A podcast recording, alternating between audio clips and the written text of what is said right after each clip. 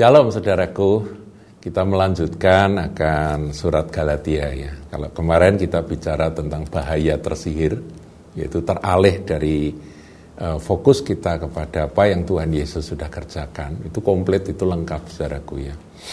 Um, kemudian ada pengajaran, harus begini, harus begitu, dan itu dipegang, saudaraku. Nah itu kembali jatuh pada legalisme, dan itulah yang terjadi pada jemaat Galatia, maka saya akan lanjutkan Galatia 3 ayat yang ke 11 dan 12. Dan bahwa tidak ada orang yang dibenarkan di hadapan Allah karena melakukan hukum Taurat adalah jelas.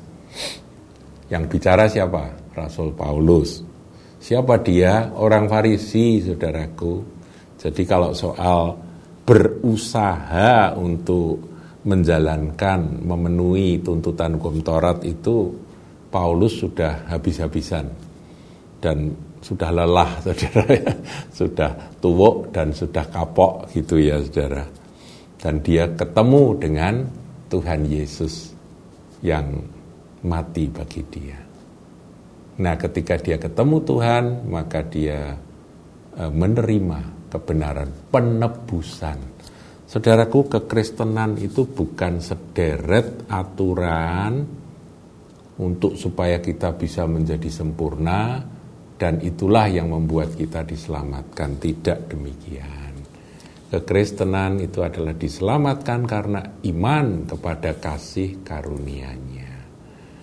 Makanya Tuhan Yesus itu ketika dia lahir dinarasikan di dalam Injil Yohanes 1 dikatakan bahwa dia itu penuh dengan kasih karunia dan kebenaran. Dia benar dan membawa kebenaran dan dialah yang membenarkan kita oleh kasih karunia-Nya. Demikian saudaraku. Jadi jelas tidak ada orang yang dibenarkan di hadapan Allah karena melakukan hukum Taurat. Adalah jelas itu ya, karena orang yang benar akan hidup oleh iman, hanya demi iman kepada kasih karunia, yaitu apa yang dikerjakan Tuhan Yesus di kayu salib, itulah yang membawa kita kepada pembenaran. Ayat 12, tetapi dasar hukum Taurat bukanlah iman. Ini Paulus ngalami. Jadi ketika disajikan akan sederet daftar peraturan ya puluhan atau ratusan poin harus begini harus begitu tidak boleh ini nggak boleh itu maka eh, beralihlah akan ketergantungan pada penebusan salib Kristus itu kepada peraturan tersebut Nah, hati-hati saudaraku, ketika itu diajarkan oleh orang-orang tertentu bahwa ini yang membuat kamu berkenan dan Tuhan akan memberkati kamu, itu salah. Tuhan memberkati kita bukan karena kita melakukan, tapi karena kita percaya apa yang Yesus lakukan. Ngerti ya saudaraku ya? Jadi apa yang Tuhan Yesus lakukan itu kita percaya 100%, kita terima, maka itu yang memberkati kita, itu yang membebaskan kita, itu yang uh, membuat kita diberkati. Saudara bergumul, aku pengen lepas dari dosa. Lihat salib Kristus. Nanti saudara ketika imanmu itu benar-benar menjamah akan kuasa salib itu saudara dilepaskan dari dosa itu. Bukan berusaha untuk lepas dari dosa, semakin berusaha, semakin terikat. Itu seperti orang kalau di apa tuh diikat dengan tali yang kencang, semakin berusaha melepaskan, semakin kuat itu tali itu menjerat saudaraku. Itu sama dengan apa itu? Uh, jebakan trap untuk untuk monyet. Saudara pernah ya dengar cerita trap untuk monyet? Jadi ada kaleng, kemudian kaleng itu kaleng kosong ya saudara itu ada tutupnya diisi dengan batu berat supaya berat, separuh batu, kemudian di atasnya diberi kacang.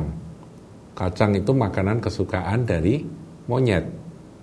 Nah, kacangnya apa itu ada beberapa yang di apa itu di sangre supaya ada baunya, baunya sedap bagi monyet begitu saudaraku ya.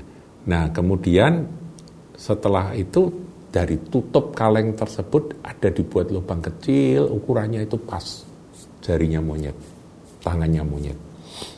Nah, ditaruh monyetnya berdatangan ini ada benda apa kok ada kaleng besar gini waktu mereka nengok dari lubang kecil itu kacang bau kacang begitu saudaraku ya dan monyet itu pun memasukkan akan tangannya kemudian menggenggam akan kacang tersebut nah, monyet kan serakah saudaraku ya segenggam besar dia coba tarik nggak bisa, bingung dia.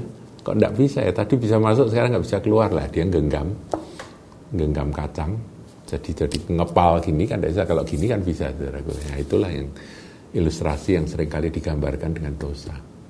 Dosa itu, itu semakin saudara berusaha, semakin dia menjerat. Seperti itu, saudaraku. Tapi hanya dengan memandang kepada salib Kristus, maka kita dilepaskan, dibebaskan dari dosa. Ya, dan kalau dasar hukum Taurat itu bukan iman, kamu melakukan, kamu hidup karenanya begitu. Seperti agama itu. Kekristenan bukan agama, saudaraku. Kekristenan adalah iman kepada apa yang dikerjakan oleh Tuhan Yesus. Dan itu sudah selesai, sudah genap. Nah, jadi Jangan saudara mau jatuh dalam legalisme seperti yang terjadi di dalam jemaat Galatia. Mari kita waspadai saudaraku. Nah, saya juga ingin tambahkan sedikit saudaraku ya, sedikit tambahan dalam renungan kali ini. Uh, legalisme itu selalu menggantikan love dengan law. Ya hampir sama ya Law itu hukum, love itu kasih. Tuhan Yesus datang itu membawa hukum kasih. Nah, di dalam hukum kasih itu yang terutama adalah kasih. Kalau saudara mau tahu kasih seperti apa, nanti kan ada di dalam 1 Korintus 13 itu saudara baca sendiri. Kasih itu begini, begini, begini. Nah, Tuhan membawa hukum itu, saudaraku. Tetapi orang-orang Farisi membawa hukum hukum Taurat yang mereka yakini bahwa ini harus dijalankan. Syariah ini harus dijalankan gitu ya. Ngerti ya saudaraku ya? Syariatnya itu harus dijalankan. Tuhan Yesus menyembuhkan orang pada hari Sabat. Bukan masalah orang yang sakit di hari Sabat itu Eh, bahagia mereka ikut senang dan ikut kagum, takjub terhadap kuasa Tuhan yang menyembuhkan. Tapi mereka menyoal soal, lu ini hari sabat kok orang itu disembuhkan. Jadi kamu prakteknya, praktek dokternya Yesus ini pada hari sabat. Wah ini harus dihukum, tidak boleh begitu saudara. Jadi mereka menggantikan antara love dengan law antara hukum itu dengan eh antara kasih itu diganti dengan hukum. Jadi membenturkan antara hukum dengan kasih. Di situ saya ragu bedanya. Ini salah satu aja. Kita harus waspada. Kalau kita sampai jatuh dalam legalisme itu nanti gitu nggak pakai kasih lagi adanya hukum ditegakkan. Itu perjanjian lama, saudaraku ya, Taurat. Di dalam Kristus itu kasih karunia dan kebenaran. Tuhan Yesus berkati.